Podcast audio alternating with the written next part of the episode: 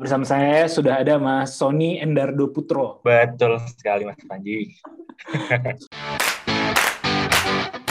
Dan mensayangkan saham masyarakat. Jadi kita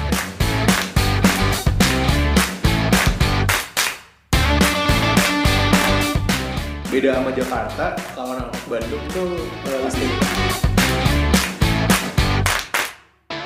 investasiin buat sekolah anak golf itu something new gitu. Kupu-kupu mungkin ke- Eh, ayahku tuh satpam gitu kan di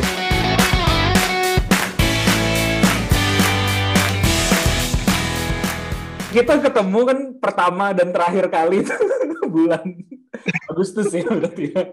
Agustusan lalu ya. Agustus. Ah. Betul, betul, betul. Aku lupa, aku mencoba, aku tadi barusan track lagi, ingat-ingat eh, kita tuh waktu itu alasannya gara-gara kamu ada space di Jogja ya, kalau. Hmm, betul, betul, betul, Jogja. betul.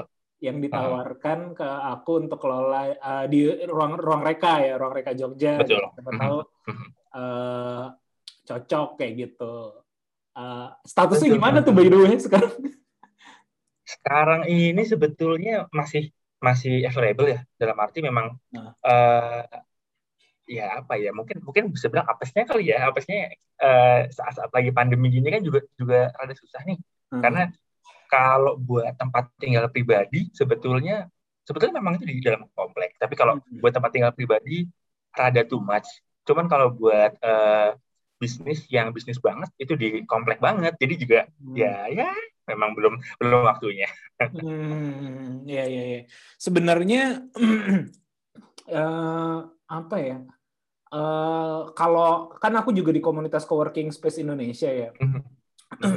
Banyak yang suka diskusi di sana tuh sebenarnya kemungkinan sih potensi kalau coworking tuh nanti ke depannya eh, pasca pandemi atau during the pandemi ini eh, salah satunya adalah memang lebih dekat ke rumah gitu. Jadi sekedar orang melepas apa ya nyari tempat kerja nggak terlalu jauh dari rumah juga dan lingkungannya secure gitu ya. Artinya kan kalau di situ ya orang-orang daerah situ doang gitu.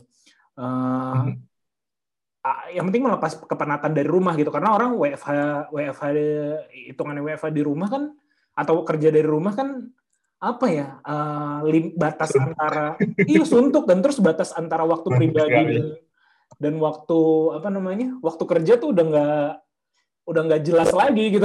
Jadi, kalau kalau iya kalau beberapa kajian tuh kayak gitu heeh.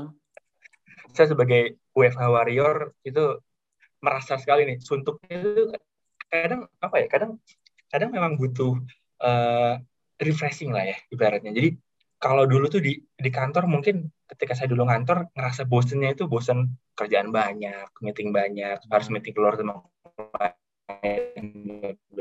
bulan sekarang bosennya lebih ke arah pemandangannya itu itu aja gitu.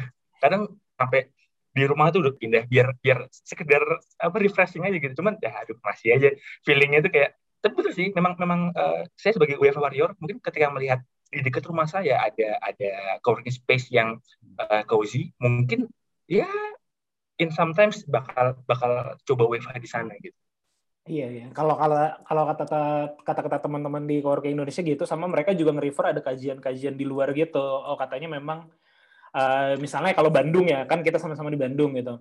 Eh, Bandung tadinya kan daerah prime ini adalah ya kayak tempatku gitu, misalnya di daerah Dago gitu, apa coworking di Dago, terus atau coworking di Riau yang kayak gitu-gitulah.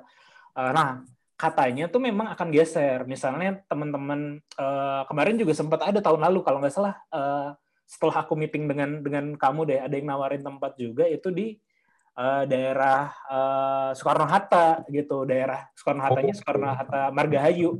Eh, Margahayu komplek Margahayu itu jadinya oh kayaknya emang memungkinkan nih. Karena salah satu dia tuh dia pebisnis eh, umum aja sih sebenarnya. Nggak nggak nggak nggak spesifik di coworking space. Tapi dia juga mengidentifikasi masalah kayak gitu. Oh ini anak-anak di sini nih udah pada suntuk banget nih. Karena itu kan komplek perumahan banget kan gitu. Jadi betul. bikinlah di sini satu nih kayak gini. Daripada nggak daripada nggak apa namanya eh ya ngelihat permasalahan seperti itu gitu. Menjawab menjawab permasalahan seperti itu kayaknya sih gitu. Jadi Betul jadi memungkinkan aja tempatmu nanti yang di Jogja itu. Kalau either siapa itu? Either kamu mau kelola sendiri atau bagaimana. Tapi kalau sekarang arahnya uh, belum belum tahu ya, apa mau dikelola atau mau dijual kayak gitu-gitu ya belum ya. Uh, sebetulnya memang memang arahnya arahnya sih dikelola ya, di, dikelola hmm. dalam arti uh, entah mau dibuat dibuat space uh, memang benar-benar office space atau mungkin co-working space, tapi memang condongnya lebih ke arah sana. Hmm. Tapi betul sih tadi tadi ketika ketika ngomongin uh, saat ini ruang kerja itu dibutuhkan di daerah residensial, mungkin ya, mungkin ke depannya uh, space ruang kerja itu jatuhnya kayak kayak sekolah. Kan kita sekarang di komplek itu ada sekolah, kompleknya jadi value-nya naik kan ya. Hmm. Nah dengan mungkin ya ke depannya dengan dengan sistem WFH seperti ini banyak kantor yang sudah uh, canggih bisa remote bisa bisa uh, banyak WFH-nya mungkin malah rely on uh, apa orang-orang penting di WFH-nya akan melihat value di suatu kompleks itu kalau ada co-working space-nya. Hmm. Iya ya betul betul ya. Mudah-mudahan aja ya. Sama uh, ini hmm. sih, uh, walaupun aku uh, mungkin uh, handling Jogja mungkin baru tiga tahunan terakhir lah. Tapi daerah ke utara sih itu tuh memang akan jadi prime sih. Uh, Palagan uh, kan Kaliurang udah mulai penuh tuh. jalur lewat Palagan situ ke utara tuh makin oke okay, kafe makin banyak. Hotel-hotel gede kan rata-rata di situ tuh. Uh, Seraton di situ juga. Uh, terus uh, tempatmu kan apa antara itu ya Jalan Damai itu kan ya kalau nggak salah ya? Hmm, antar antar Kaliurang sama Palagan itu, itu persis. Jangan dulu lah kalau kalaupun mau dijual misalnya kalaupun udah dijual jangan dulu tahan menurutku tiga lima tahun lagi oke okay sih itu. Hmm. boleh lah boleh lah boleh lah nih boleh lah nih. Nah ngomong-ngomong tentang ya ngomong-ngomong itu kan eh, investasi lah ya investasi rumah apa segala macam. Uh, uh, kan uh, aku lihat kamu juga aktivitas uh, mostly di uh, apa sih kok kamu bisa kenalin dulu diri dulu? Backgroundnya terus mostly aktivitas seperti apa gitu biar biar lebih enak kita ini uh, mungkin mungkin kalau kalau enak disimplified ya uh, saya ngebantu corporate ya mainly corporate untuk ngelakuin corporate action. Dalam arti uh, dia mau company ini mau restru, company ini mau IPO atau company ini mau uh, sih hanya M&A atau atau transaksi apa pun lah. Dalam arti transaksi private pun juga juga kalau memang itu butuh bantuan juga uh, biasanya kita handle gitu. Jadi memang saya tidak tidak berdiri di satu uh, kita sebut ya tidak di, di sekuritas, tidak di hmm. tidak di satu uh, firm yang memang di pasar modal, tapi kita memang menyentuh uh, corporate things yang kadang masuk ke pasar modal juga. Hmm. Nah mungkin karena background itu yang yang uh, saya melihat sebetulnya potensi ini tidak hanya di tidak hanya di corporate, urusan pasar modal ini uh, tidak hanya bisa dinikmati oleh corporate yang secara aset besar atau hmm. secara networking luar biasa, tapi memang sebetulnya semua semua semua bisnis, semua unit bisnis yang memang uh, qualified dan ya kalau bahasa saya unik itu berhak untuk bisa menikmati pasar modal. Hmm. hmm, hmm. Eh, itu berarti uh, lebih ke uh, apa ya advisory gitu ya, lebih ke akun Betul, betul. Hmm. Ini nama perusahaannya boleh disebut nggak sih? Atau itu hanya payung? itu hanya payung saja. Itu hanya payung. itu hanya payung saja. Gitu. Jadi uh, memang memang sebetulnya uh, mainly kalau di bidang di bidang advisory seperti saya uh, banyak sekali menggunakan payung. Jadi kadang satu orang payungnya bisa tiga, bisa empat, dan kadang di tiga atau empat payung ini orang sama gitu. Karena uh, biasanya ya owner-owner dari dari uh, advisory firm ini dulunya orang-orang pasar modal yang yang memang sudah mengetahui uh, alur secara teknis, sudah menget, sudah mengetahui apa ya uh, cara mainnya lah, pola-pola main. Tapi di sini dalam arti pola main yang yang yang betul ya, kan ada ada pola main yang betul, ada pola main yang benar. Nah ini yang yang betulnya gitu. Hmm. Seperti. Ya, ya. Smart street lah ya kebanyakan yang di situ tuh memang nah, udah okay. udah tahu caranya lah gitu ya. Udah tahu rule-nya, udah betul. tahu caranya lah gitu ya. Betul, betul. Justru malah lucunya lucunya karena uh, kebetulan saya bukan saya bukan di background di bukan di background orang finance ya. Hmm. Ketika saya belajar itu saya saya lebih lebih lebih banyak diajari dulu itu uh, street law-nya, hukum-hukum hukum-hukum jalanannya dibandingkan hukum buku. Justru Hmm. kadang kalau ketika saya compare uh, prak- praktis di di realnya dengan apa yang ada di buku ini, kadang suka nyeleneh. Beberapa Hmm. ada yang kontradiktif, kadang ada juga yang ya konstruktif, kadang malah destruktif gitu. Jadi Hmm. ya seru sih, seru sih gitu. Eh, Iya iya iya. Eh, ya berhubung aku juga kan eh, pas kita ketemu sebetulnya aku sempat share eh, startupku ada juga yang main, yang bukan main sih, yang di apa ya inkubasi lah ya di inkubasi di IDX Inkubator. IDX Inkubator itu kan eh, apa inkubator miliknya eh, pasar modal eh, Iya. eh, eh, BEI milik miliknya eh, BEI Bursa Efek Indonesia gitu. Eh, nah pada suatu ketika kebetulan aku mau nanya aja nih sebelum sebelum ini ya. Hmm. Pada suatu ketika aku kebetulan ada teman dia tuh kerja di eh, nggak usah aku sebut lah sebuah sekuritas gitu, Hmm. sebuah sekuritas yang Oke. eh, aku juga baru tahu eh, karena ngeliat di Instagramnya dia, oh dia ngebantuin listing apa, ngebantuin listing eh, di Hmm. bursa apa dan perusahaan-perusahaan gede gitu, bonafit lah, lumayan bonafit gitu. Terus aku ngobrol sama dia kan, eh, tem- eh, teman lama lah, teman lama ngobrol-ngobrol-ngobrol, terus eh, gue lagi di sini nih, lo bisa bantuin nggak sebenarnya untuk IPO kan sekarang eh, pada waktu itu ya, kalau nggak salah 2019 deh ya. Eh, kan waktu itu baru ri- baru akan rilis atau sudah rilis eh, apa tuh namanya? Oh, papan akselerasi. papan akselerasi betul. Ya. Walau udah liris udah rilis atau mau rilis. Oh bisa eh, bisa kayak gini-gini. Terus ketemu eh, ngobrol sama dia. Setelah ngobrol dia meeting lagi sama apa ya atasannya lah kayak gitu. Hmm. gini-gini kita bisa bantu dan segala macam segala macam.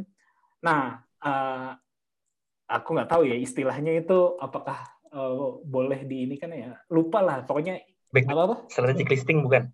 eh, listing yang sesuai dengan jalur benar, tapi itu eh, sebenarnya udah di eh, eh, gimana bahasanya biar lebih ini ya, udah di banyak diaturnya gitu. Jadi misalnya Oke. sebenarnya si yang backupnya juga si perusahaan sekuritas tersebut, dia punya dia udah punya buyer juga kayak gitu-gitu. Lo nanti harus eh, Oke.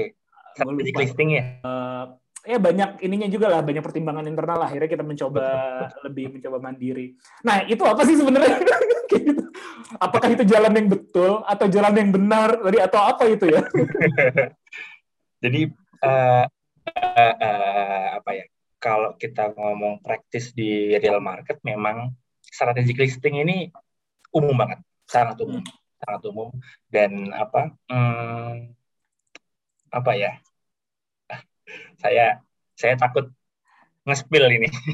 Cuman intinya intinya adalah eh, ketika memang ketika memang eh, satu company mau IPO, ini memang eh, dikembalikan lagi biasanya ke advisernya, di mana eh, ada beberapa advisor yang memang melihat kita bisa kita sebut berani, berani dalam arti eh, let's IPO first and then we will eh, apa ya, we will handle it later.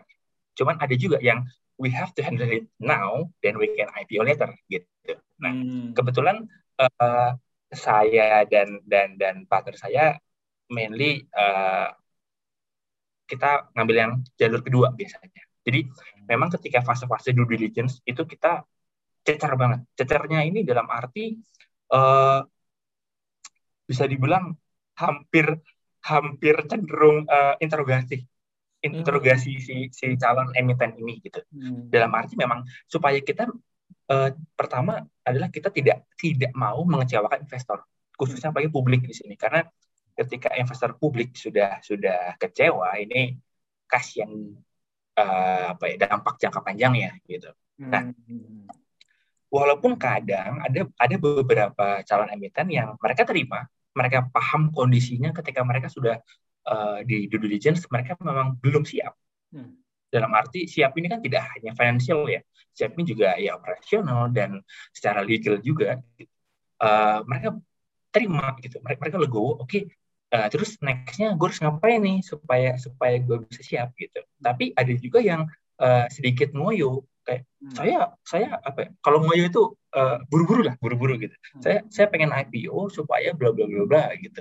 Nah kadang eh, karena prinsip saya dan bos saya ini adalah kita coba handle dulu baru di IPO kan kadang ini kita suka berargumen juga sama sama ownernya untuk uh, ya kadang ketemu titik tengahnya adalah kita kita paksakan IPO cuman tetap ibaratnya restu itu bisa bisa hmm. supaya supaya karena kita kas, uh, kasihannya adalah ketika nanti sudah IPO ini kewajiban semakin banyak tanggung jawab dia semakin banyak kepada market kepada regulator takutnya dia nggak bisa nge uh, comply dengan dengan semua yang ada di sini dan dampaknya ke depannya malah lebih panjang lagi gitu hmm. belum lagi uh, dari dari sisi tadi itu kewajiban juga pasti muncul kos-kos baru juga. Nah ini kalau memang dia secara bisnis aja masih belum masih belum settle dalam arti uh, secara ya khususnya belum settle, kasihan ke depannya gimana nanti? Dia harus nanggung bebannya, dia harus ada wajib pelaporan dan segala segala macamnya. Kalau dia ada uh, CD bisnis jadinya harus pintar-pintar lagi gitu. Jadi ya ya banyak sekali sih konsekuensinya memang. Cuman manfaatnya pun juga sebetulnya banyak. Gitu. Ya, ya, ya, ya. Iya, jadi sebenarnya sih kalau uh, saya berpandangan uh, ya memang listing itu adalah uh, makanya termasuk uh, kemarin uh, ketika diajakin kayak gitu dan uh, mereka mereka justru malah ngedorong gitu kan. Kita jadi malah hmm. jadi agak-agak khawatir karena satu tuh good to be true, yang kedua juga uh, apa ya? ya kayaknya kita belum terlalu serapi itu deh saat ini gitu atau ya belum belum belum waktunya deh gitu nggak usah terlalu buru-buru banget lah kalaupun uh, terus juga uh, secara secara value kalau papan akselerasi kan memang ada uh, value-nya nggak value-nya nggak ada nilainya nggak terlalu besar lah ada ada di betul betul, betul. berapa kayak gitu. Ada ada batasannya. Ada batasannya. Jadi kita juga ah ya udahlah uh, toh sekarang uh, uh, tujuan kita bukan bukan ke situ dulu tapi uh, ya mungkin nanti suatu saat nanti. Tapi ketika waktu itu gara-gara dapat obrolan kayak gitu, saya tanya ke teman-teman di IDX kan, uh, gue ditawarin nih kayak gini-gini, uh, namanya uh, dibilangnya strategic listing gini-gini. Nah, IDX mungkin sebagai apa ya? Regulator ya atau apa ya? Apa sih? Regulator. Regulator ya. Dia bilang nggak ada yang namanya strategic listing kayak gitu. ya, ya kita kita kayak inilah kayak apa? Kalau itu kayak uh, kita nanya berdamai kepada bapak-bapak yang ngecekin SNK gitu lah. Iya iya iya. Jadinya uh, jadi memang sebenarnya uh, karena kan IDX sebenarnya punya uh, apa ya punya arahan untuk ngebawa makin banyak uh, perusahaan masuk ke pasar modal gitu kan. Tapi memang uh, ya sesuai dengan uh, ya bukan berarti ya tadi itu itu terjadi di, lap, di lapangan sih banyak ya tinggal tinggal uh, kitanya aja mau, mau seperti apa. Agak-agak susah ya membahasakan ini biar biar tetap uh, sebetulnya kalau kalau terkait tadi strategi listing uh, kalau dari pengalaman saya biasanya uh, banyak kok banyak sekali jalan menuju Roma dalam arti hmm. strategi listing ini biasanya uh, problem adalah memang company belum siap atau mungkin company ini uh, secara finansial lagi di stress.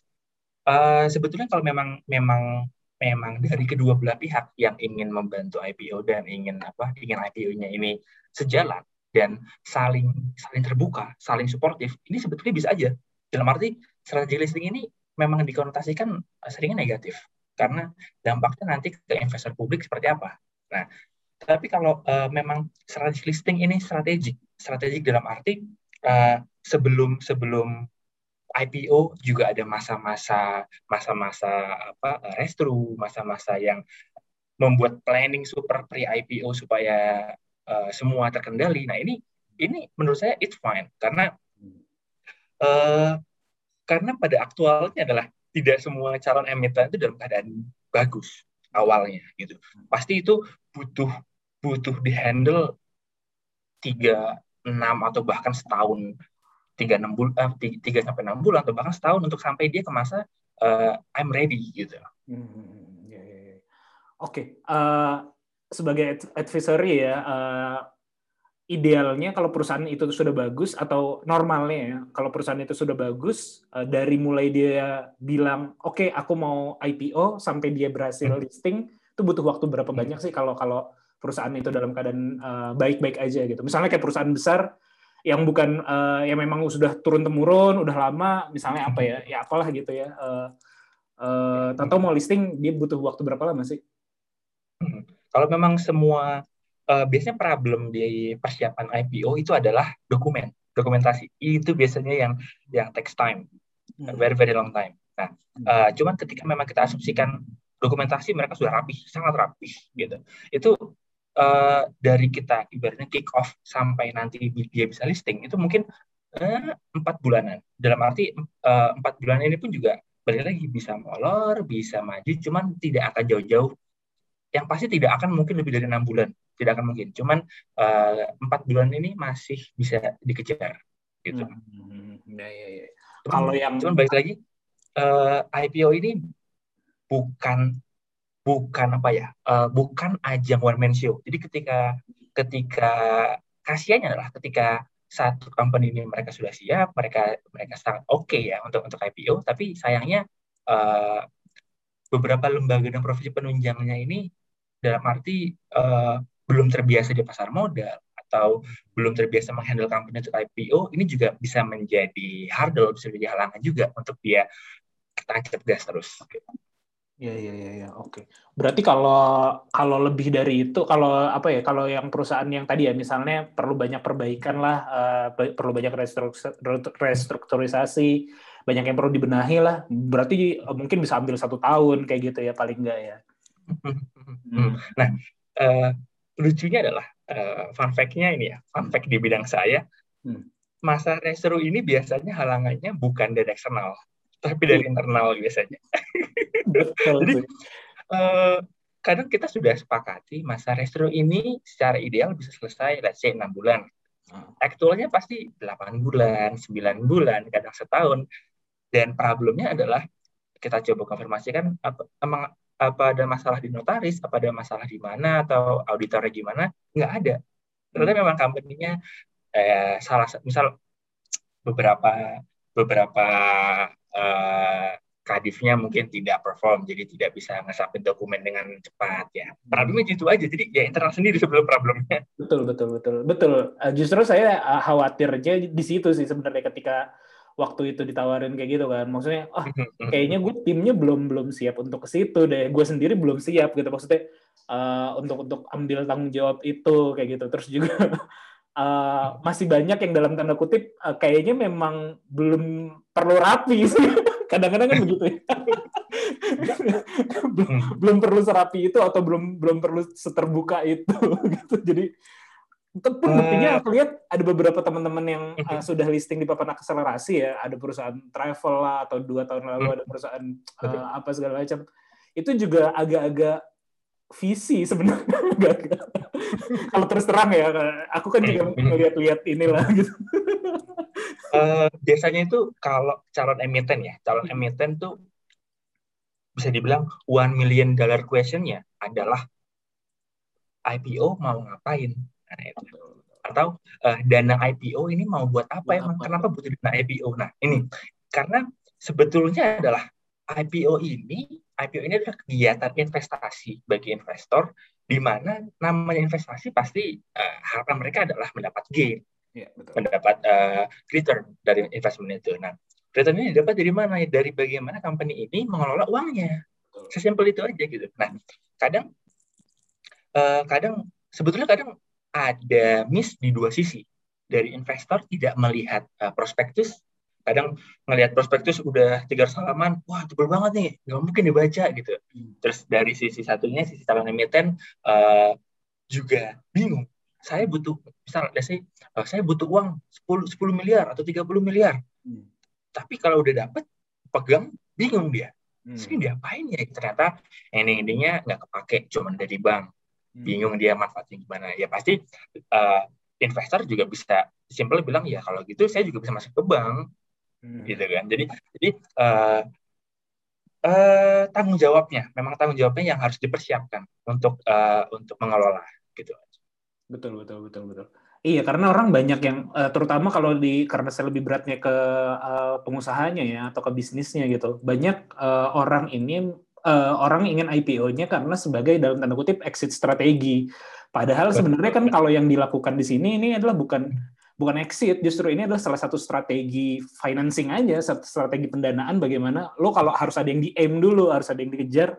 Betul, uh, betul, betul.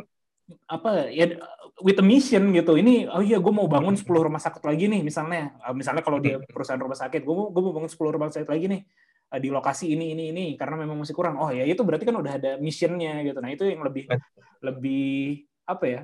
sebagai uh, ya sebagai tadi sebagai investor uh, di pasar modal kita pasti akan lebih prefer yang kayak gitu kan dibanding betul. dengan eh, tapi, tapi sayangnya uh, edukasi ke edukasi kan sekarang lagi tinggi banget nih edukasi orang betul, untuk betul. Uh, masuk pasar modal gitu tapi edukasi pengusaha untuk bermindset uh, apa ya bermindset yang baik gitu ya itu yang kurang. Jadi sih masih banyak di, di kalangan teman-teman oh, udah gua ini adalah strategi exit punya duit cash banyak biar bisa ngapa-ngapain. Padahal kalau nggak with the mission susah juga gitu. Banyak loh banyak loh satu company dia uh, kan dari kita sebagai advisor kita juga minta sebetulnya apa ya kita kita sebagai advisor nih bukan bukan cenayang kita kita bukan orang yang sekali ngobrol ngelihat orangnya kita tahu oh bisnis ke depannya gimana? Oh enggak. Bukan. Kita kita membantu aja nge, nge structure supaya rapih gitu. Nah kadang pun kita juga minta kalau memang sudah pernah dibuat proyeksi proyeksi keuangannya kita minta. Nah kadang lucunya ini ada beberapa startup lah ya beberapa startup ini uh, kita coba bedah proyeksinya setelah setelah ada pendanaan pendanaan ya bukan bukan IPO pendanaan uh, biaya gajinya ini dua kali lipat, dua tiga kali lipat dengan penambahan orang nggak ada. Nah di sini kan ya ya kalau kita sih mencoba memposisikan tidak seuzon ya gitu. Cuman kita coba kita coba cross check juga ya sama-sama tahu gitu kan ya. jadi jadi ya ya sudahlah gitu berarti berarti memang memang untuk pengelolaan ya belum siap gitu. Betul betul betul betul. Nah ngomong-ngomongin tadi tentang startup kan tadi juga uh, salah satu yang kamu sebutkan uh, ingin membantu yang UMKM juga atau mungkin startup juga untuk uh, kalau tidak listing ke bursa paling nggak mulai merapikan untuk siap kan kita punya beberapa atau saat ini satu sih ya punya punya punya satu metode lain lah yang dalam tanda kutip agak-agak mirip listing yaitu uh, apa namanya istilahnya uh, equity, crowdfunding. crowdfunding. Hmm. Ya. Nah itu gimana sih sebenarnya? Nah kalau uh, dari saya pribadi melihat equity crowdfunding ini ya ini bisa dibilang semacam mini IPO ya karena hmm. prosesnya uh, prosesnya secara dokumentasi hmm. karena saya biasa megang prospektus di pasar modal hmm. melihat uh, prospektus yang ada di uh, beberapa crowdfunding yang sudah yang sudah legal ya sekarang ini mirip sebetulnya sebetulnya secara secara quality memang memang dibedakan dibedakan dalam arti supaya uh, calon emiten yang mau masuk di crowdfunding tidak tidak apa ya tidak merasa berat hmm. untuk mengikuti apa untuk comply dengan regulasi di pasar modal. Cuman uh, potensi potensi untuk unlock dari apa uh, growth suatu UMKM-nya ini yang saya lihat potensi luar biasa. Dalam arti kalau dulu kita melihat warung pecel lele itu hanya warung pecel lele, itu kalau warung pecel lele itu memang ternyata Kan biasanya kan family kan ya, maksudnya di, di, dikelola oleh family aja. Kadang kalau udah nambah cabang baru baru dia uh, hire orang gitu. Cuman biasanya sih dikelola hanya oleh keluarga yang mungkin biasanya secara secara keuangan belum begitu rapi catatannya dan secara operasional mungkin belum begitu jelas terstruktur. Nah, kalau ini memang mereka mau mendapat apa ya dana, dana dalam arti ini uh, mini IPO fee crowdfunding, Bayangkan warung pecel lele yang di pinggir jalan, dia dapat 10 miliar dengan konsep dia yang sudah laku, dia buka di mana-mana. Itu kan lebih lebih lebih lebih, lebih edan gitu. Hmm. Nah, saya melihat uh, potensi-potensi dari UMKM yang memang layak ya, yang memang layak, yang memang qualified untuk bisa dikembangkan. Nah, hmm. uh, karena itu dari saya pribadi sempat beberapa kali coba membantu dan menawarkan ke UMKM untuk yuk kita uh, coba masuk ke crowdfunding ini. Hmm. karena karena saya biasa di pasar modal dengan uh, melihat regulasi yang sangat sangat ketat kita masuk ke crowdfunding bukan berarti saya menurunkan kualitinya. Kita kasih quality berarti kita kasih quality pasar modal tapi masuk ke crowdfunding supaya apa? Supaya nanti standarnya lama kelamaan naik tapi tidak terlalu berat gitu hmm. hanya at least standarnya naik jadi nanti uh, ya jangan heran mungkin nanti ke depannya di warung abang-abang combro atau gorengan, dia hmm. tahu, wah operating profit saya segini nih, hmm. EBITDA saya kira-kira segini, ya. Karena mereka sudah terbiasa uh, apa ya, teredukasi dengan bagaimana mereka menghitung menghitung keuangannya gitu. Hmm. Ya, ya, ya, ya menarik sih menarik. Uh, tapi tapi uh, sorry sebelum itu uh, yang kamu lakukan di uh, untuk untuk UMKM ini udah udah ada portofolionya kah atau uh, karena uh, itu kamu lakukan uh, sebagai profesional atau sosial project aja ibaratnya? Kalau uh, untuk yang sudah berjalan, uh, saya memang berawal dari sosial project. Dalam arti hmm. awalnya saya membantu teman awalnya. Emang hmm. teman saya ada ada punya hmm. bisnis, berawal dari situ. Terus kemudian saya lihat oh potensinya kayaknya menarik nih untuk ke depannya. Terus kemudian saya coba uh, ke arah yang lebih profesional gitu. Cuman uh, karena saya tidak ingin merasa jenuh, jadi saya selalu melihat saya mencari bisnis yang unik di industri yang unik gitu. Hmm. Jadi uh, di industri yang menurut saya di, di di pasar modal ini belum banyak. Kayak misal uh, developer, developer software, terus ada juga di apa uh, manufacturing tapi di di editif di di bidang 3D 3D printing itu itu saya juga pernah coba ngobrol-ngobrol uh, kita coba uh, ngeliat ke depannya gimana. Cuman uh, apa ya? Kalau saya lihat ternyata yang sebelumnya tidak terlihat itu tuh itu sangat-sangat berpotensi. Jika hmm. memang diseriuskan, memang dikerjakan gitu. Itu apa ya? Jadi bisnis ini tidak cuma warung kopi, hmm. ibaratnya begitu. Hmm. Karena kan banyak anak zaman sekarang uh, eh gue mau buka bisnis nih, yuk kita bukan orang kopi karena semua orang butuh kopi. Ya, hmm. ternyata di sisi lainnya yang buka perinan jauh lebih menguntungkan, jauh jauh lebih bisa apa uh, membantu membantu orang lain lah gitu. Hmm, iya, iya betul betul. Enggak, kenapa saya tanya itu karena juga ada beberapa teman-teman yang memang ya mungkin lebih ke kayak uh, ya advisory juga lah atau mungkin lebih arahnya ke corporate banking atau apa gitu ya. Tapi uh, ya mereka kan uh, dalam tanda kutip bisnis modelnya adalah fee base ya. Jadinya kadang-kadang ah males gue ngurusin kayak gitu, kerjaannya sama, uh, fee-nya jauh lebih menyenangkan yang corporate ya tentu saja. Makanya tadi aku tanya ini sosial apa apa memang memang mencoba serius karena memang kemarin juga baru kayaknya beberapa beberapa hari yang lalu aku sempat eh, conference call juga ada salah satu uh, tapi dia startup sih arahnya maksudnya uh, uh, advisor untuk startup yang mau uh, pendanaan. Pendanaan dalam konteks ini sebenarnya uh, equity juga tapi lewat PE, lewat lewat okay. uh, visi gitu, ya. gitu. Uh, tapi mereka ngasihnya sih fixed rate. Jadi kayak lo kalau pakai hmm. jasa gua uh, bayar uh, berapa ya 40 juta tuh untuk ngerapiin uh, misalnya uh, oke okay, kita sama-sama nyusun bukan ngerapiin ya sama-sama nyusun laporan laporan keuangannya atau proyeksinya uh, agar lebih baik kayak gini-gini tapi mereka uh, dan itu kayaknya udah mulai ada tuh karena buktinya udah ada mulai ada masuk yang nawarin uh, dia apa nanya ini sih lagi mau funding nggak beberapa bulan ke depan kayak gini-gini oh boleh deh kita konkol dulu kayak gitu akhirnya ngobrol-ngobrol ngobrol tentang itu tapi memang kayaknya startup kan memang agak-agak apa ya ya mungkin tadi yang yang lebih ceruknya agak lebih apa ya bisa dibilang agak lebih berpotensi lah kayak gitu ya dibanding hmm. UMKM secara umum. Kalau kita ngomongin UMKM kan terlalu luas kayak gitu kan. Jadinya mungkin kalau teknologi atau digital atau IT kan lebih mungkin lebih uh, udah ada pasarnya lah kalau ini bisa dijualnya ke sini bisa di diarahin ke sini gitu. Betul, betul, betul, betul. Uh, nah, kalau yang UMKM itu uh, gimana memang caranya uh, ngetritnya gitu, ngetrit untuk ningkatin misalnya ya mereka bikin hmm. laporan keuangan yang baik atau dimotivasi apakah dimotivasi untuk masuk ke equity kayak gitu-gitu apakah okay. dilakukan kayak gitu? Uh, biasanya adalah uh, pengalaman saya ya paling paling pertama banget dilakukan adalah menjelaskan dulu terkait konsep equity sama debt.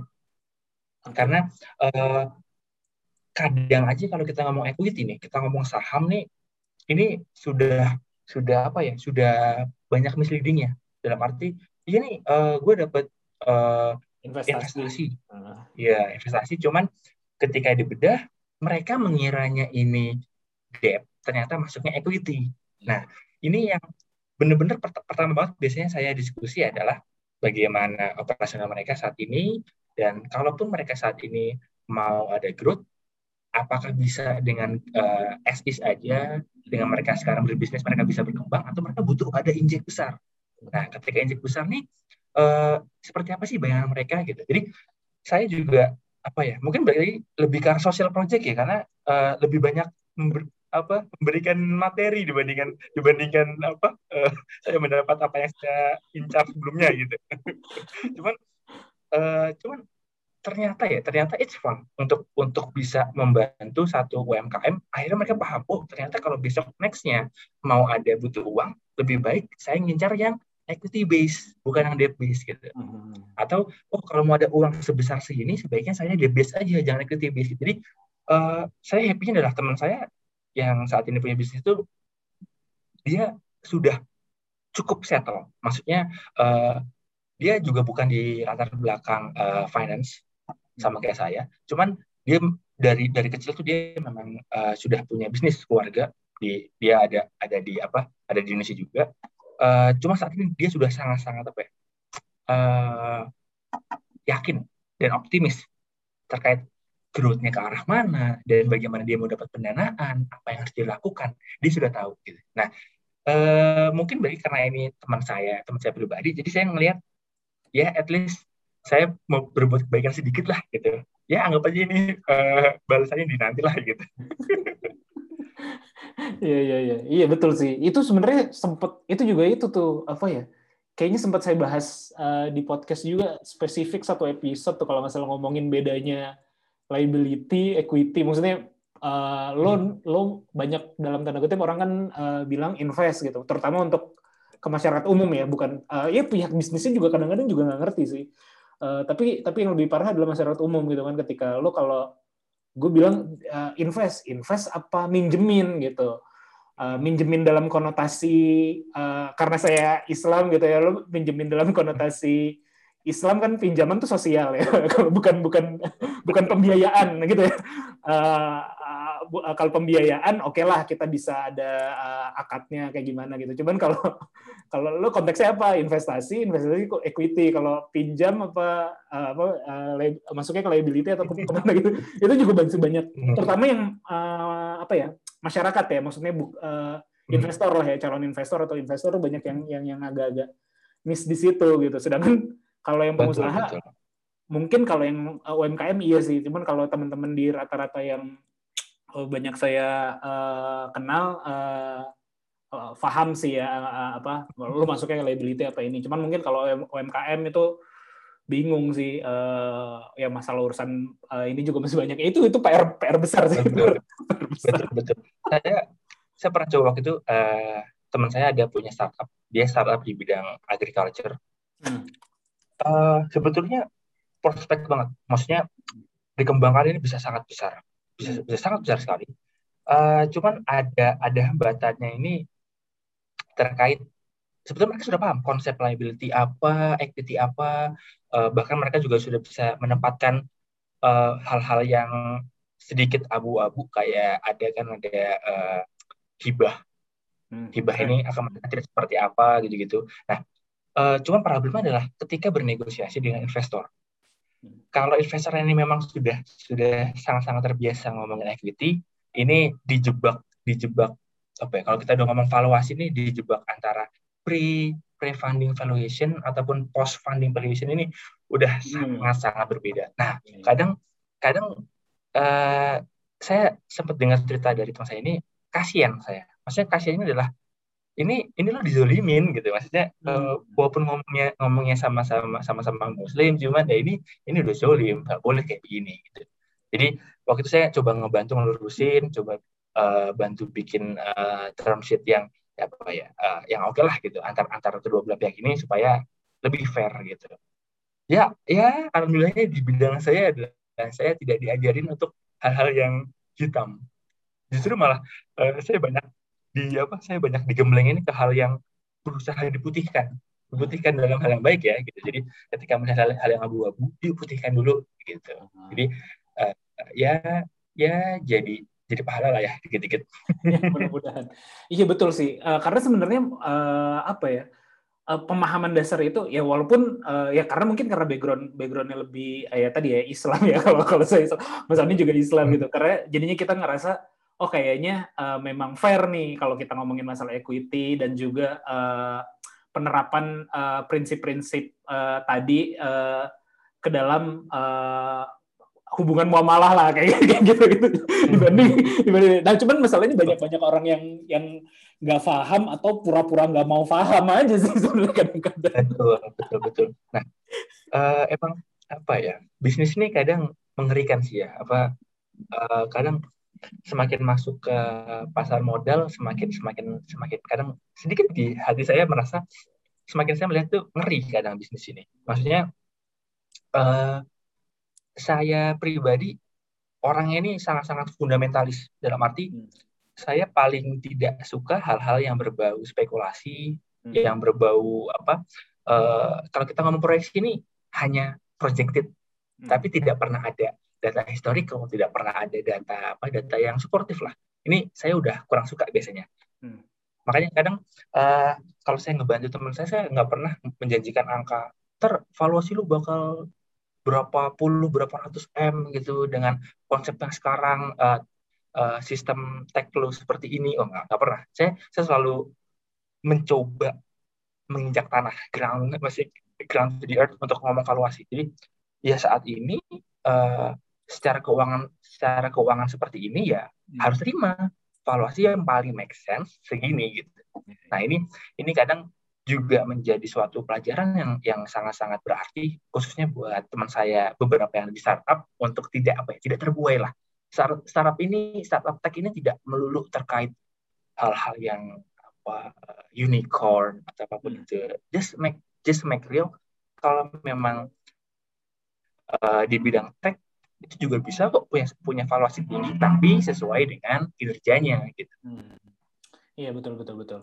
Iya, uh, karena uh, tadi ya uh, kalau kalau tadi Mas Ani bilang pasar modal pun agak spekulatif dan dan ya tadi ya banyak-banyak uh, apa ya uh, proyeksi yang ber, ber, tidak terlalu berlandaskan apa apa itu kan kenyataannya seperti itu.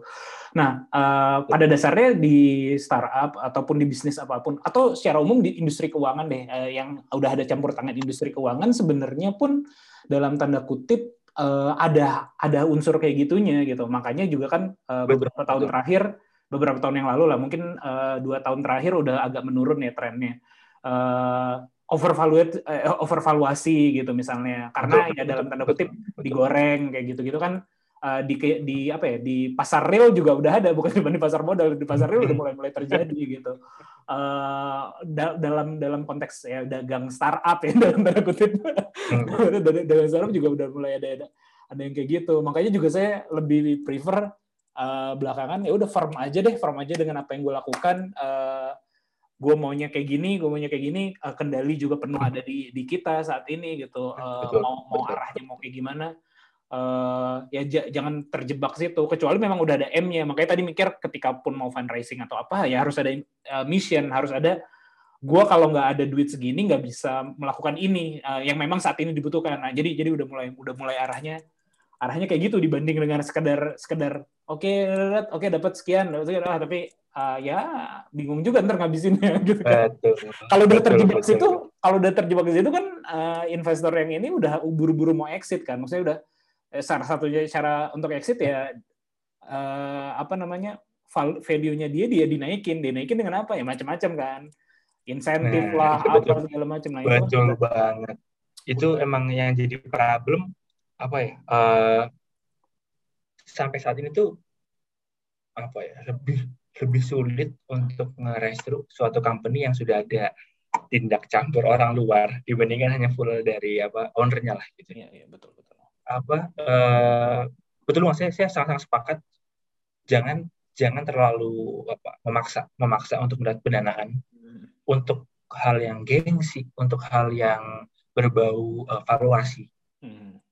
jika memang pendanaan ini memang sudah ada aim terkait kinerja hmm. bukan valuasi ke depannya lagi gitu jadi jadi uh, walaupun walaupun memang bisnis bisnis perusahaan investasi adalah mendapat gain. Gain ya berarti dari, dari valuasi itu kan. Cuman uh, sebagai yang real bisnisnya bukan yang investasi ya. Yang real bisnisnya adalah menilai kinerja. Jadi ketika memang memang dapat pendanaan, pilihannya adalah revenue naik, profit naik, atau costnya yang bisa turun karena hal itu gitu. Jadi value-nya naik karena hal itu, bukan karena ada pendanaan, naik value naik lagi, value naik lagi gitu. Iya, tapi pada kenyataannya juga tadi ya, uh, walaupun kita arahnya gitu, tapi di industri ini ya bisa dibilang industri startup deh secara spesifik gitu ya. Hmm. Kan uh, apa ya, kalau kita ngomongin uh, bisnis, pada dasarnya matriks utamanya kan ya memang adalah profit, revenue, uh, seperti itu gitu. Tapi kan dalam ya aturan main ini di banyak dikasih beberapa matriks-matriks lain gitu kan untuk mengakomodir Uh, naiknya value tersebut misalnya uh, matriks uh, ya tractionnya traction apa sih kalau di hmm. e-commerce hmm. di e-commerce atau di marketplace uh, jumlah transaksinya tinggi walaupun revenue-nya hmm, uh, itu kan ada ada ada apa ya uh, walaupun ya sebenarnya ya nggak tahu juga ya mungkin bisnis ke depan seperti apa tapi memang ada ada yang uh, ya tergantung lah pilihan lagi sih sebenarnya itu. Betul. Terkait yang tadi itu uh, kayak valuasi ya. Valuasi ini sebetulnya ya valuasi ini seharusnya itu saling menguatkan antar sisi. Jadi dari sisi keuangan, kalau kita ngomong uh, laporan keuangan nih, hmm. uh, rasio PI yang paling yang paling sering kan ya, hmm. rasio PI, rasio PBV ini harus sejalan, seharusnya sejalan dengan rasio dari traction kalau kita melihat uh, company tech dari luar, let's say Facebook ya yang udah listed, mereka kan punya value, punya apa, punya price per share harga per lembar sahamnya yang sudah diapresiasi oleh market. Jadi dalam arti apa yang muncul di sekarang idealnya adalah harga apa yang paling diterima oleh market. Nah, uh, nilai ini juga bisa ditarik dari traction berapa, let's say maunya, mau active usernya. Nah, jadi uh, let's say dalam satu orang uh, ada satu mau ini generate value seberapa besar. Yang mana ini value ini harus jalan dengan kinerja keuangannya juga gitu. Hmm. Nah, kadang kadang uh, yang disayangkan karena waktu itu saya sempat pernah uh, ngebantuin bos saya ada value startup ya, value startup dan mendapat tawaran dari suatu visi. Ini penawaran yang menurut saya kasihan di startupnya ini, kasihan di uh, apa company-nya ini karena uh, dipaksakan untuk meningkatkan value-nya dari traction. Jadi just yang penting user banyak, user banyak, uh, anggap aja value per user berapa, tarik aja langsung garisnya gitu. Nah ini kalau user memang nambah, tapi secara keuangan nggak nambah kan kasihan juga gitu ke depannya. Dia harus ada maintenance seperti apa, operasionalnya siapa yang nanggung gitu. Nah, hal-hal seperti ini yang bisa me, apa ya, saya juga menyesatkan si company ini. Nah, oleh karena itu memang harus bisa dibilang seharusnya adalah uh, connect semuanya. Jadi valuasi dengan PI, valuasi dengan PBV, valuasi dengan kalau emang dia punya aset ya nilai asetnya aset base atau valuasi dengan uh, traction ini harus semua ini menunjukkan satu satu range angka yang sama. Nah ini adalah menurut saya valuasi yang paling uh, apa ya valid karena kan valuasi memang tidak tidak, tidak pernah bersifat absolut gitu kan. Cuman mungkin ini yang bisa divalidasikan kayak gitu. Hmm, Oke. Okay. Uh, Oke, okay, kita balik lagi ke uh, apa namanya uh, ECFD, equity crowdfunding. Uh, kalau iya. saat ini uh, kalau saat ini uh, tadi ya kalau kita ngomongin pertumbuhannya udah luar biasa banget ya uh, semenjak disahkannya uh, apa aturannya udah muncul cukup banyak ya equity hmm, crowdfunding hmm. di di uh, di Indonesia ya. Betul. Uh, yang saya tahu yang sudah yang sudah approved by OJK itu hmm. Ada ada tiga ya yang ada. yang udah approved. Uh, kebetulan saya uh, mengikuti karena salah satunya ini memberikan apa informasi berupa prospektus secara berkala.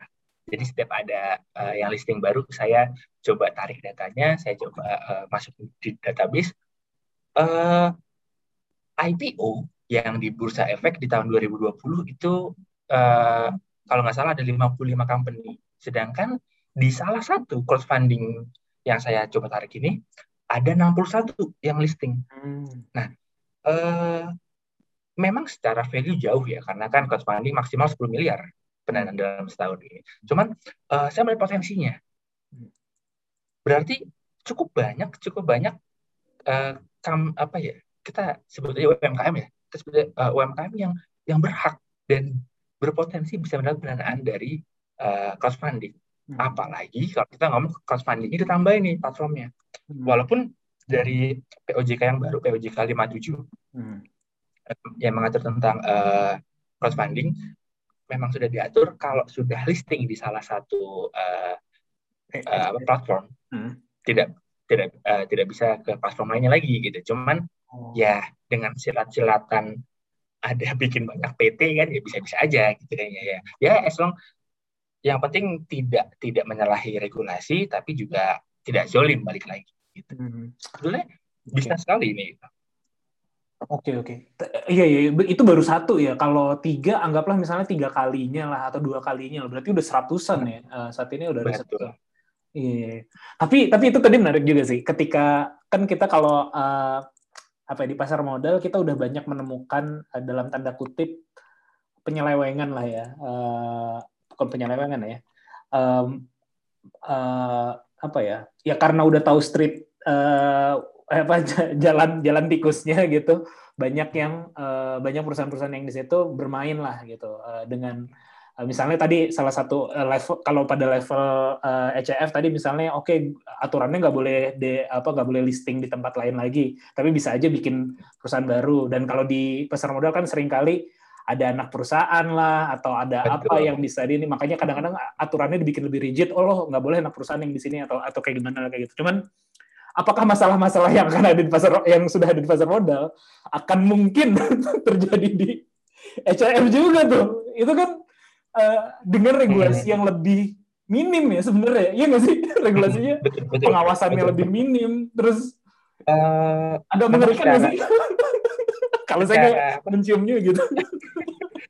Memang secara apa? Secara kalau kita ngomong bisnis ya bisnis untuk membuat platform uh, eh, ECF atau platform crowdfunding ini justru bisa menjadi apa ya uh, potensi. Dalam arti uh, platform crowdfunding ini kan sebetulnya pihaknya yang tepatnya adalah tiga pihak, eh, sorry empat pihak. Dari penyelenggaranya, dari penerbitnya, investornya, dan regulator.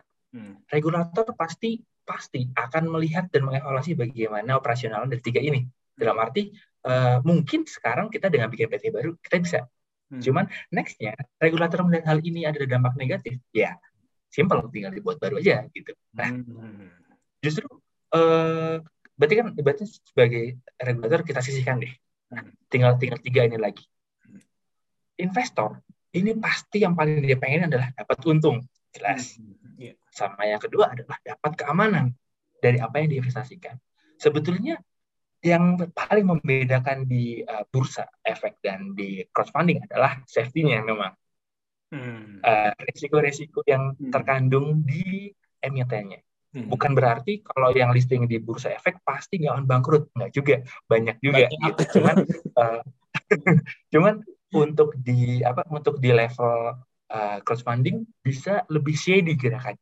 Hmm. Nah, uh, dan tidak tidak dikejar-kejar selevel emiten di bursa gitu.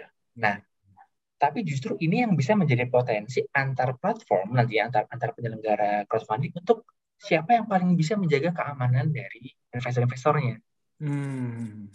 Nah, jadi ini membuka peluang bisnis baru. Jadi uh, bisnis pasti akan berkembang ya. secara secara regulasi dan juga secara operasional. Mungkin uh, ya kayak dulu kita belum ada belum ada uang digital, sekarang udah ada. Hmm. Bisa dibilang shifting semua. Nah, mungkin nantinya ke depannya juga akan akan ada shifting di antara penyelenggara ini. Jadi, hmm. saya justru malah berharap semakin banyak penyelenggara dengan bisnis model yang bervariasi dengan uh, tingkat kompetisi yang semakin tinggi. Gitu. Hmm. Jadi kita sebagai user nanti kita bisa milih. Dalam arti uh, mungkin aja nanti saya sebagai besar saya sebagai investor nanti hmm. ah saya mau investment yang returnnya gede. Saya punya platform ini karena platform ini yang berani menyediakan uh, company-company yang high risk high risk return hmm. betul. Nah ini company yang lebih aman. Jadi itu akan menjadi diverse lagi kayak gitu. Hmm, iya, iya, iya, iya. Dan regulasi pasti mengikuti lapangan ya, nggak pernah ada, nggak pernah ada ya, terutama uh, mungkin di dunia digital ya, Pak. Semenjak semenjak percepatan digital pasti kan regulasi pasti mengikuti apa yang terjadi di lapangan. Dan secara bisnis itu menguntungkan banget sih eh, sebagai penyelenggara ECF-nya ya. Karena kemarin sempat Betul. saya saya refer uh, udah udah kontak-kontak kan belum sama, sama teman saya yang Sudah, develop. sudah. Oh, udah udah. Sudah ada kontak-kontakan cuman beliau lagi lagi, lagi sibuk sekali kayak ini. Iya iya. Kita mau ngobrol ke pending terus jadi ya. Oh, gitu. iya, dia juga kan eh, apa namanya? eh, iya lagi bikin apa namanya? eh, ECF lah kayak gitu. Terus lihat, oh iya memang kayaknya potensi sih lo ngambil as a business ya eh, si penyelenggara as a businessnya gitu. Dan kayaknya mungkin nanti trennya akan mengikuti apa namanya?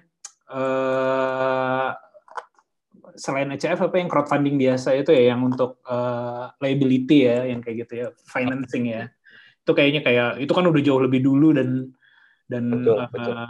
cukup cukup eh, booming banget ya sebagai walaupun kemarin 2020 juga ada beberapa teman yang masuk sebagai investor gitu agak-agak banyak yang ketahan juga sih jadi pada kenyataannya eh, ini sih Iya, iya.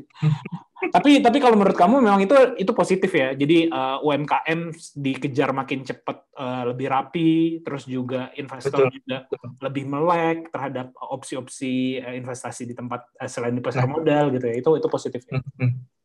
Nah, kalau eh, saya melihat dengan adanya apa adanya platform crowdfunding ya khususnya yang equity ini ini bisa apa ya? Eh ya mungkin mungkin mungkin Mas Panji melihat bursa kan hal yang wah sekali ini kan maksudnya hal yang super high quality dengan regulasi yang sangat ketat dan dan segala macamnya dan ketika melihat crowdfunding ini bisa menjadi step up jadi eh, kalau takut untuk langsung ke level IPO, IPO di bursa efek, kita bisa listing dulu di crowdfunding sambil Hmm. pelan-pelan. Di crowdfunding kan juga tetap ada peraturan apa yang harus di comply. Nah, ini dari calon eh, emiten ini bisa pelan-pelan belajar, menata corporate governance-nya seperti apa, menyesuaikan semua hal dari operasional, legal, financial, semuanya di di di completein. Baru kalau memang dia next mau naik level juga eh, tidak ada tidak ada kendala. Dia bisa aja langsung eh, nextnya going IPO dan ini menjadi hal yang sangat positif. Dan dari sisi investor melihat prospektus di bursa efek 300 halaman lebih kadang 500 di crowdfunding cuma cuma tipis-tipis semua gitu kan ya santai gitu. jadi belajar belajar pelan dan saya melihat eh, karena saya coba memposisikan diri jadi investor, saya sangat-sangat mengamati dua tahun ini prospektus di salah satu crowdfunding ini. Ini growth loh, maksudnya ada ada perubahan dari Standar sebelumnya. meningkat ya? Betul, apa yang ditampilkan sampai terakhir itu yang kemarin ada uh, di Februari ada listing, saya coba cek prospektusnya, saya coba compare Hmm. Jauh lebih berkualitas. Dalam arti uh, quality-nya ini standarnya ini udah semakin naik lagi. Nah, ini yang saya harapkan juga uh, dari pihak calon emiten bukan semakin takut, tapi malah semakin semakin uh, apa ya, mempush dirinya untuk supaya lebih qualified. Hmm, ya, ya. ya ibaratnya kan mereka jualan ya harus bisa menjual si perusahaannya dengan dengan dengan baik sih. Tapi kalau kalau bagi bagi pemilik bisnis nggak tahu eh, Mas Oni ta- udah udah udah eh, ngikutin atau eh, udah sejauh sejauh mana taunya ya. Kalau secara administratifnya itu apakah ketika misalnya setelah listing di eh, equity crowdfunding eh, tersebut kita eh, nanti akan eh, apa namanya eh, memperbarui akta perusahaan dengan menambah nama-nama orang investor atau sampai sejauh mana sih eh, secara administratif legal Oh, yang iya. dilakukan si perusahaan itu setelah dapat Kalau- ya, setelah- dapat. Ka- Kalau secara legal, eh, secara teknis perubahan dari aktanya saya kurang tahu ya, Eh, Hmm. karena itu dibantu oleh platformnya. platformnya Cuman kalau terkait perubahan aktanya pasti ada, karena itu sudah berhubungan dengan eh, pihak regulatornya. Hmm. Karena kan namanya akta pasti kan harus harus eh, sesuai. Hmm. Apalagi Hmm. sebetulnya hal ini yang yang menjadi eh, fair dalam arti investor ini nih kalau orang namanya mau invest invest ke saham buktinya apa ya buktinya kan dia punya punya sahamnya apa buktinya ya tertulis di aktanya dan ini menjadi menjadi apa ya dokumen proven kalau kalau eh, investasi ini terjadi gitu Hmm.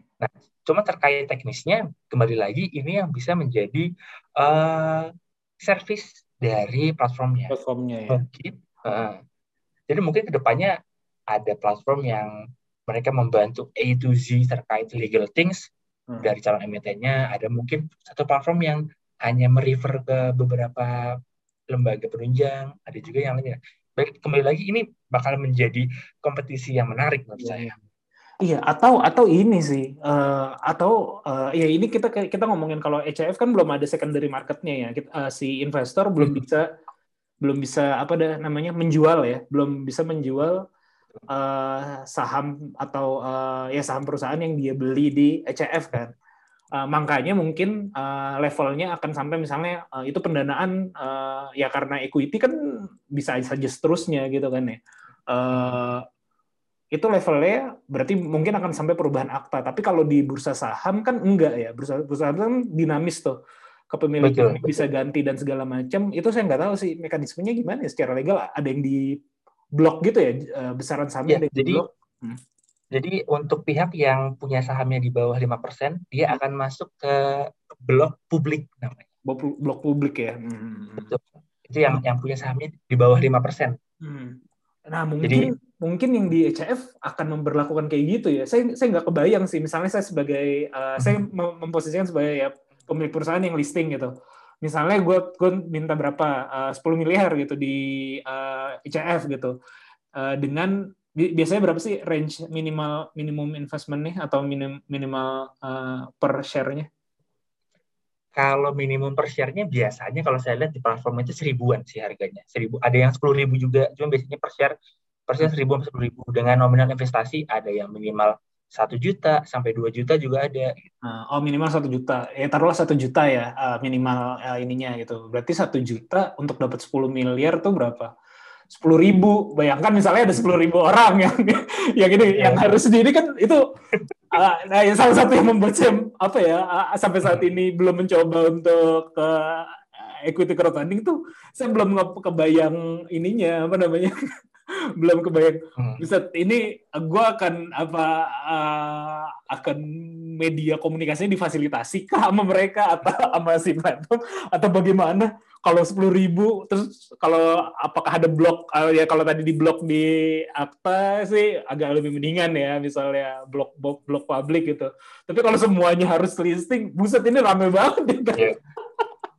Sih. Kalau kalau saya sebagai Eh, sebagai pengusaha mungkin concernnya di situ bukan masalah concern maksudnya kalau di pendanaan ya sebenarnya banyak kan ini masalah strategi pendanaan aja kan banyak Betul, banyak betul. banyak banyak metode lah ya. Cuman lebih concernnya di situ sepuluh ribu orang gitu cuman ya kalau yang saya tahu sih dari dari yang satu platform itu ya, dari Ah. satu, platform itu eh, memang sebut kalau aja nggak apa-apa sih mas Santara kan ya yang Oh gitu ya, ya gitu ya. Takutnya saya nanti di sponsor lagi ya. Oh, iya. ada Santara saat ini ada apa aja sih eh, yang ICF tuh Yang saya tahu Santara ada Santara, ada Bizer, sama Bizer. Crowdana, setahu saya. Dana ya kalau Bijar lebih ke franchise ya Eh, Betul, betul, Ah. betul, betul. Saya udah betul. beberapa kali pernah eh, udah satu event tuh kita ada booth bareng mhm. dengan Bijer terus juga waktu eh, lagi musim-musimnya eh, apa namanya eh, pitch pitch kayak gitu kita ser- sering-sering sering bareng lah ketemu jadi jadi cukup cukup tahu kalau Bijer.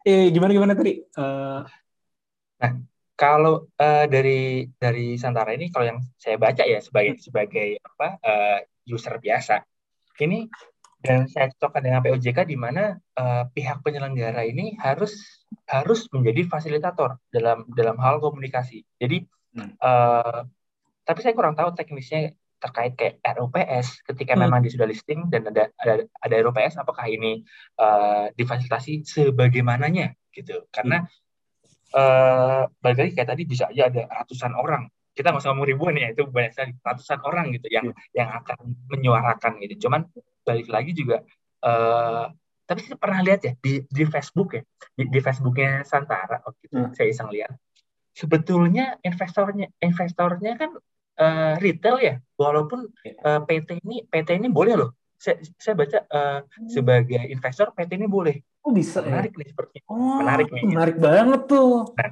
Menarik banget cuman- tuh. kalau saya lihat investor retail yang ada di eh, Santara cukup ini loh, cukup cukup cukup menyerupai netizen loh, ganas juga loh. Jadi sempat ada yang apa uh, komentar ada satu satu company yang uh, ya underperform ada ada yang buyback jadi ada company yang dia buyback setelah dia ngasih dividen berapa kali? Dua atau tiga kali dividen dia buyback sahamnya. Yang mana sebetulnya sudah sudah diatur sudah diatur oleh Santara dan dan apa uh, memang comply dengan semua peraturan yang tidak ada masalah. Tapi investor retail ini merasa loh kalau gitu apa bedanya dengan dengan debt based funding? Betul. di situ saya juga saya juga wah ini keras juga nih investor-investornya maksudnya uh, saya kira awalnya crowdfunding ini hanya untuk orang iseng yang tidak akan dilihat uh, nextnya seperti apa. Ternyata saya juga justru malah melihat ini hal yang positif sangat positif. Berarti uh, orang orang-orang investor retail ini berinvestasi itu tidak hanya naruh uang tinggal enggak tapi diamatin dan ini menjadi apa ya cambukan yang sangat bagus untuk emitennya Hmm. Ya, ya, ya. Iya sih. Ya kalau dari sudut pandang eh ya kalau kalau dia ngomongin dia buyback ya si perusahaan misalnya contoh yang tadi perusahaan itu buyback ya pasti ada pertimbangan lah misalnya ya macam-macam lah pertimbangannya pengen pengen uh, dikuasai lagi dan segala macam gitu. Uh, tapi kalau dari sisi investornya berarti memang investor yang serius ya, bukan kayak investor betul, betul, bukan betul. kayak investor apa ya? Ya de, uh, debt base juga juga banyak uh, juga serius sih, tapi kan mereka ya nothing tulus ya, maksudnya bukan Betul. mengharap bahwa gua ambil saat ini bukan mengharapkan capital gain, tapi bukan dalam Hmm. konteks uh, naiknya va- valuasi si saham mereka, tapi ya uh, return aja kan mereka Betul, ngomonginnya betul. return. Tapi kalau ada sampai ada pertanyaan, kok di buyback, eh kok dan protes gitu dengan adanya buyback, artinya kan mereka uh, mengharapkan si perusahaan ini grow, eh, mengharapkan Nah. value-nya naik kan ya kayak gitu. Karena kan memang belum ada secondary market tadi itu ya yang yang Nah, Ah. kemarin itu saya sempat ngikutin kan ya. Eh, tadinya Santara lagi persiapan untuk secondary offering. Itu saya penasaran banget, penasaran banget. Maksudnya bisa se bisa seberapa apa ya? Secara teknis sistemnya ini seberapa canggih. Bisa secondary offering yang mungkin ya ini bisa bisa jadi the next bursa gitu kan ya. Iya. Maksudnya kan kalau orang mau trading ya di bursa secara apa eh let's say udah banyak bandar dah, gue pindahin dah ke crowdfunding gitu kan ya misal. Cuman balik lagi peraturan akan berkembang. Nggak tahu nih ke depannya apa mungkin ada kendala teknis. Soalnya kemarin saya cek kayaknya sih belum ada kayaknya di di di Santara ini. Apa masih ada kendala teknis atau mungkin ada regulasi yang terus masih dibahas? Tahu. tapi itu itu ini saya melihat ini sih melihat potensi uh, ya mungkin uh, bagi sebagian orang ini adalah potensi dan juga bisa potensi yang baik ataupun yang buruk gitu ya Maksudnya, dalam konteks uh, kalau kita kalau saya sebagai uh, kalau memposisikan pragmatis aja kayak gitu ya kan value di Santara per equity berapa sih gitu kan maksudnya nggak nggak terlalu besar gitu ya nggak terlalu besar Uh, kalau permainan secondary market yang ada di bursa kita bawa turun di level equity crowdfunding misalnya mainin sentimen deh kayak gitu ya gue beli dulu nih misalnya itu kan uh, itu bisa Betul. bisa jadi dalam tanda kutip uh, kalau kita pragmatis ya dalam konteks Hmm. uh, mainin mainin di secondary marketnya terhadap salah satu uh, saham si emiten gitu misalnya uh, Betul. itu bisa bisa bisa kayak mendadak loh. tapi kalau tapi itu akan bahaya juga sih ya maksudnya. Betul. Mungkin menurut saya mungkin saat ini dari pihak Santara belum belum nge-launch secondary market untuk mengantisipasi bandar pada turun itu takutnya kayaknya ya. Apalagi kalau misalnya tadi ada aturan bahwa memang perusahaan bisa, oke lah atas nama pribadi mungkin ada limitasi, tapi kalau perusahaan ya elah maksudnya pakai pakai perusahaan yang eksis aja apa kan bisa gitu loh gitu. gitu. Betul, betul. Jadi Betul. jadi itu nanti jadi jadi apa ya? Jadi kayak uh, pasar modal tapi di level ya tadi bener ya mini pasar modal ya Betul. dengan segala problemnya. Melihat ada ada potensi menarik sebetulnya. Kemarin tuh kebetulan saya juga lagi coba eh, baca ulang yang POJK 57 itu eh, terkait tadi itu PT ini boleh eh, melakukan investasi ke eh, emiten di Santara. Nah, karena eh, sebetulnya kan banyak nih company investment company Betul. bukan operating company. Nah, ini bisa menjadi satu apa ya? Satu potensi untuk eh, belajar, belajar menciptakan investment company gitu. Dengan cara eh, beli-beli saham yang ada di cross, eh, crowdfunding mumpung belum ada secondary offering. Jadi hitungan-hitungannya masih by dividen aja kan masih terukur nih, lebih mudah terukurnya dibandingkan di di bursa gitu. Iya, dan nanti turunannya mungkin akan ada ya tadi selain investment company di level itu, fund manager di level itu. Betul, betul. ini ini ini menarik sih, ya benar. Benar, menarik sih, menarik. Gak, gak tahu masa depannya gimana. Dan dan ngomongin masalah investment company, eh, yang eh, tadi eh, teman saya yang saya sempat refer itu yang lagi bikin crowdfunding, eh, apa equity crowdfunding itu juga sebenarnya eh, di backup salah satunya adalah dengan eh, investment company juga gitu. Jadi memang sebenarnya eh, apa ya? eh, ya memang salah satu cara untuk survive juga si perusahaan investment company atau cara bermain di medan yang baru ya dengan eh, catch up dengan teknologi lah, dengan digital, dengan Betul, betul. dengan dengan, dengan perbedaan ini menarik banget sih. Dan dan yang paling enak adalah Apa? penyelenggaranya. Apa? Yang paling enak apa? Sorry. Dan yang paling enak adalah penyelenggaranya. Oh iya. iya sih. Iya sih. Uh, rule-nya nih, kalau rule-nya penyelenggara tuh gimana sih mekanisme dia uh, uh, bisnis modelnya lah, revenue modelnya gimana sih? Uh, Kalau revenue model, kalau ngomong revenue model, jujur saya ini masih mengira-ngira ya, masih masih mengira-ngira karena yang saya tahu adalah mereka eh, menarik percentage of profit yang didapatkan dari emitennya. Oke. Cuman di luar itu eh, saya kurang tahu nih ada revenue stream dari mana lagi. gitu. Cuman kalau kita ngomong profit aja, profit dari apa yang didapatkan emiten, let's say eh, lima persen aja, ya Hmm. 3 sampai lima persen aja. Ini yang listing di Santara kemarin 61 on average let's say satu miliaran kan lumayan tuh bos. Iya, iya, betul. betul betul betul. Iya betul. Ya kalau standar eh, apa namanya debt eh, crowdfunding sih memang sekitar tiga persen sih, 3 sampai lima persen lah kayak gitu untuk untuk penyelenggara. Iya sih, ya, ini akan akan jadi industri yang menarik ya. Maksudnya eh, Betul, betul. eh, asal ya si ini sih tentu saja perlindungan ke konsumennya memang harus harus diperhatikan ya regulator nih yang Iya. takutnya tergesa-gesa juga. ada sih ada saya, saya pengen pengen nyoba sih maksudnya pengen eh, kalau kalau si perusahaan ya perusahaan masih belum belum inilah belum belum perlu lah untuk masuk ke atau belum belum inilah untuk untuk ECF agak ini juga Ah, ya tadi masih banyak yang ngeri ngerinya cuman cuman kalau eh, apa namanya eh, kalau untuk investment eh, kayaknya patut untuk dicoba-coba nih kalau untuk kalau arahnya akan betul, akan menarik pragmatis aja jadinya. Sebetulnya yang yang yang yang menarik itu adalah investasi ke platformnya. Menarik sekali itu. iya iya itu menarik sekali itu. Ya itu mah Itu- udah pasti ini sih, udah pasti udah pasti ada pemainnya lah. Bahkan kan beberapa bahkan di level kayak yang debt debt eh, crowdfunding aja istilahnya apa sih debt, debt crowdfunding itu ya inilah ya. eh, itu backupnya sebenarnya pada bank rata-rata. Jadi kalau betul. kalau kalau ngelihat ada salah satu beberapa tahun yang lalu yang terkenal gitu, lihat aja warnanya tuh udah ada betul. underbow betul. underbow warna apa ya udah udah ketahuan. Walaupun dari dari POJK ya, kalau Hmm. kalau saya lihat dari Nggak boleh ya? POJK eh, boleh-boleh aja. Cuman untuk penyelenggara ini sebetulnya tidak tidak terlalu terkait apa ya terkait eh, setoran modal itu tidak terlalu wah dibandingkan eh, let's say fintech kali ya gitu. Karena even koperasi aja pun boleh menjadi penyelenggara. Untuk yang ECF nih, Eh kalau di POJK 57 kayaknya udah udah general deh, oh, general urun dana, urun dana. hanya urun dana aja gitu. Koperasi Kalau urun dana berapa, kalau berapa ya? 50 juta atau berapa ya? betul, betul. Itu kan Koperasi koperasi kan ada, ada tingkatannya kan Iya, ya, tingkatannya. untuk di kabupaten berapa gitu-gitu. Nah, Hmm. eh, tapi tetap minimal setoran modal atau modal kalau di koperasi itu dua setengah miliar minimal untuk bikin platform ini Ah, Nah, modal yang mana? atau modal di store? Di store, modal di store-nya. Oh, Jadi, bisa untuk bikin gitu. Nah, makanya jadi se- sebetulnya masih banyak sekali potensi untuk bisa menjadi penyelenggara sebetulnya walaupun pasti keterbatasannya adalah terkait sistem pasti. Ya, ya, ya. Kita bikin apa? Bahaya ini tawarannya nih. Nanti kita ngobrolin offline ya. Iya.